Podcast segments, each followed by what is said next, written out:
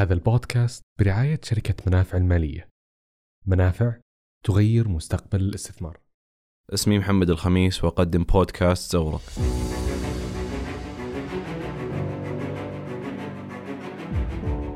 لطالما كنت شغوفا منذ صغري للإجابة عن الأسئلة الكبرى كيف تؤثر الجغرافيا في حياة الإنسان؟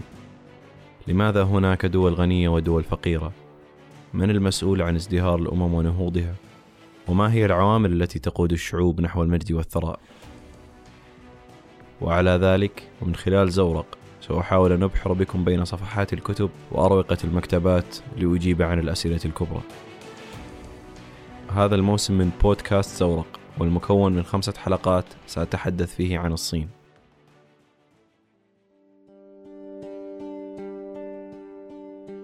لم يكن يخطر في بال أحدهم أن البلاد التي مات بها أكثر من 30 مليون إنسان بسبب المجاعة التي أصابتها نهاية العقد الخامس من القرن العشرين على بعد أقل من عشرين عاما على بداية رؤية ومرحلة جديدة لم تغير وجه تلك البلاد لوحدها فقط بل غيرت وجه العالم إلى الأبد.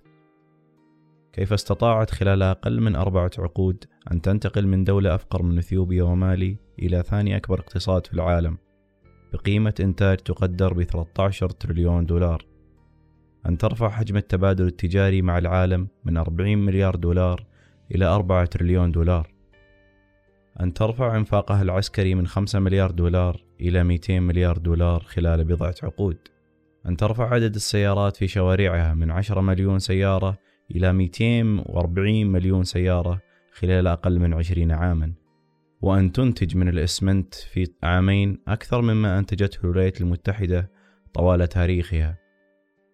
أن تبني ما يعادل مساحة روما كل أسبوعين أن تنتج لوحدها نصف احتياج العالم من الفولاذ وأن تخلق اقتصاد بحجم اليونان كل ثلاثة أسابيع وأن تبني من المنازل خلال 15 عام أكثر مما بنت أوروبا طوال تاريخها.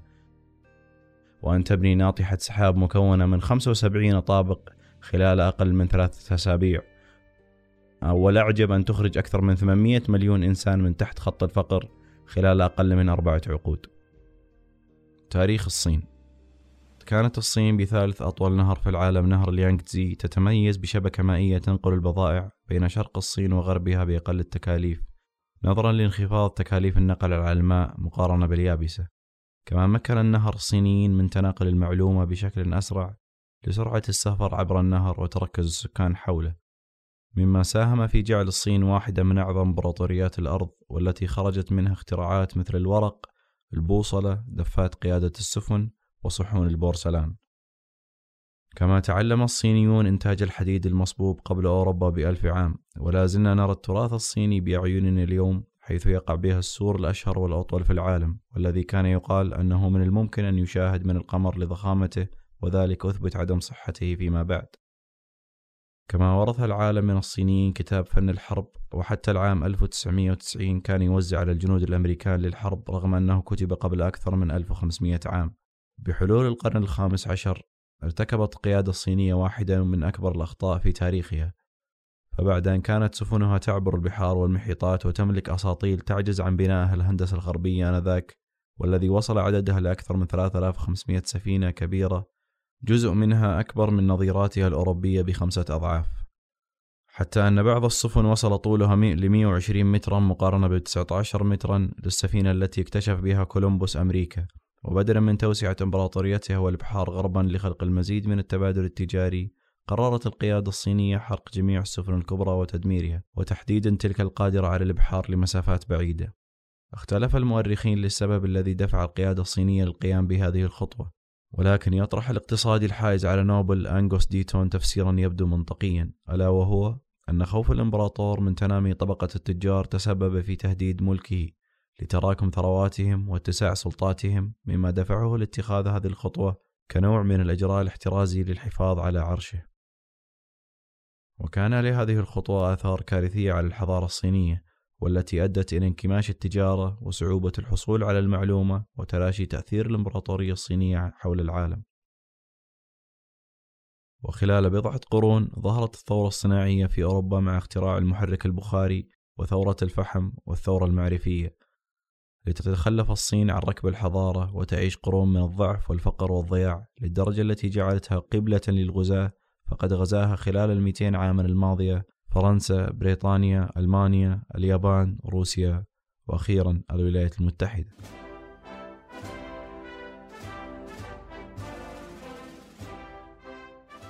كما استطاعت بريطانيا العظمى عن طريق شركة East India Company البريطانية في منتصف القرن التاسع عشر أن تحتل هونغ كونغ وأجزاء أخرى من الصين.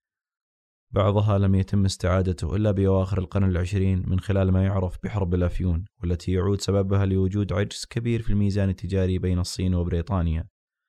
نظير الاستيراد العالي للشاهي والتي عجزت بريطانيا عن تغطيته مما دعاها لمحاولة إيجاد سلعة تصدرها للصين لخفض العجز ألا وهي الأفيون من خلال الأراضي الهندية التي كانت تحت سيطرة الشركة البريطانية.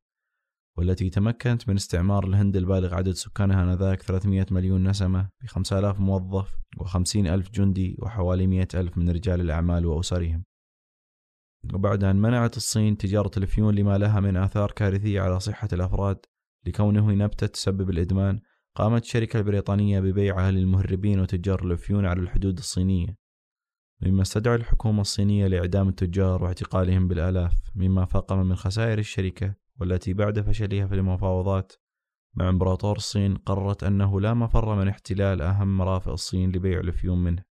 بل وطالبت بعد ذلك بتعويض الشركة والتجار جراء الخسائر التي تسببت بها الحرب وكان لها ذلك. لم تنتهي معاناة الصينيين عند هذا الحد فحتى بعد انتهاء سلسلة من الحروب وبدء حقبة جديدة بعد الحرب العالمية الثانية بقيادة ماو بعد أن مرت الصين بثورة عام 1911 إعلان الجمهورية الشعبية الصينية عام 1949 ودخول الحرب الكورية عام 1950 والتي يعدي مجراها 30 ألف مواطن صيني اتهمتهم حكومة ماو بالتجسس In 1911, China's age-old imperial order is collapsing. After 2,000 years of dynastic rule, the people overthrow their emperor.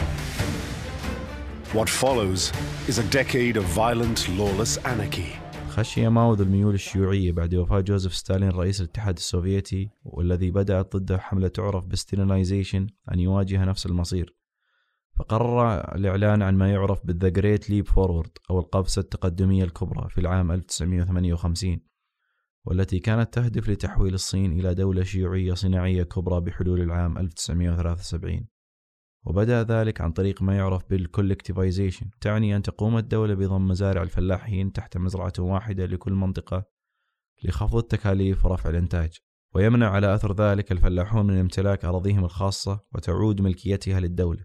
الأمر الثاني هو تحويل الصين إلى دولة صناعية كبرى عن طريق ما يعرف بالاندسترلايزيشن حيث تم تقسيم ال 750 مليون صيني ل 25 ألف مجتمع يعمل على التصنيع بعد وضع أهداف إنتاج عالية للفولاذ والحديد وغيرهم من الصناعات الأساسية.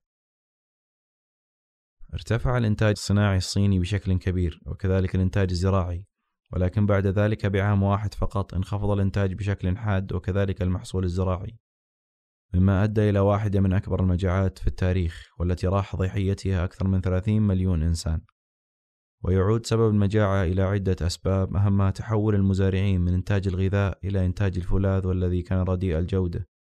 بالإضافة إلى غياب حافز الإنتاج بين المزارعين لعدم قدرتهم على بيعه بالأسواق بناء على عملية العرض والطلب. وأخيرا ما يعرف بحرب الآفات الأربع والتي بدأت عام 1958 على العصافير الفئران البعوض والجراد. بدأت الحرب على العصافير بهدف القضاء عليها وردعها عن أكل المحاصيل الزراعية ولم يكتفي أنصار ماو بمحاربة العصافير فقط بل أعلنوا أنه كان يمثل الرأسمالية والرأسماليين وأدت الحرب إلى وصوله لشفير الانقراض في الصين مما دفع البقية الباقية من العصافير الاختباء داخل السفارات الدبلوماسية والتي رفضت السماح للمواطنين بالدخول لقتلها. مما دفعهم للتجمهر حولها وقرع الطبول لعدة أيام مما تسبب بوفاة العصافير والتي اضطرت السفارة لحمل جثثها بالمعاول لكثرتها. وبحلول العام 1960 تم إيقاف الحرب على العصافير لتبدأ الحرب على الآفات الثلاثة الأخرى وذلك بعد تكاثر أعداد الحشرات بشكل كبير بعد انخفاض أعداد العصافير التي كانت تقتات عليها. بعد النتائج السلبية والكارثية تم إلغاء ما يعرف بالخطوة التقدمية الكبرى. وكان ماو حينها قد استقال من رئاسته الحزب الصيني الاشتراكي. ومع عودة ماو للسلطة أعلن بحلول العام 1967 إطلاق ما يعرف بالثورة الثقافية والتي استمرت لأكثر من عشرة أعوام وراح ضحيتها أكثر من 2 مليون إنسان. ومع عودة ماو للسلطة أعلن بحلول العام 1967 إطلاق ما يعرف بالثورة الثقافية والتي استمرت لأكثر من عشرة أعوام وراح ضحيتها أكثر من 2 مليون إنسان. وكان دافع قيامها هو محاربة الطبقة البرجوازية والأفكار الرأسمالية والتي بدأت تظهر بعد فشل مشروع الخطوة التقدمية الكبرى بالإضافة إلى رغبة ماو في استعادة مجده وإعادة توجهات الحزب الحاكم للشيوعية. وكان له ذلك عن طريق نشر رسائله ودعواته بين الشباب الذين كونوا ما يعرف بالجيش الأحمر والذي لم تتم السيطرة عليه إلا بعد تدخل جيش التحرير الشعبي الصيني. في حال عجبتك الحلقة راح أكون سعيد أنك تشاركها مع غيرك وبإذن الله راح تكون جميع المصادر متوفرة على حساب محمد الخميس في تويتر.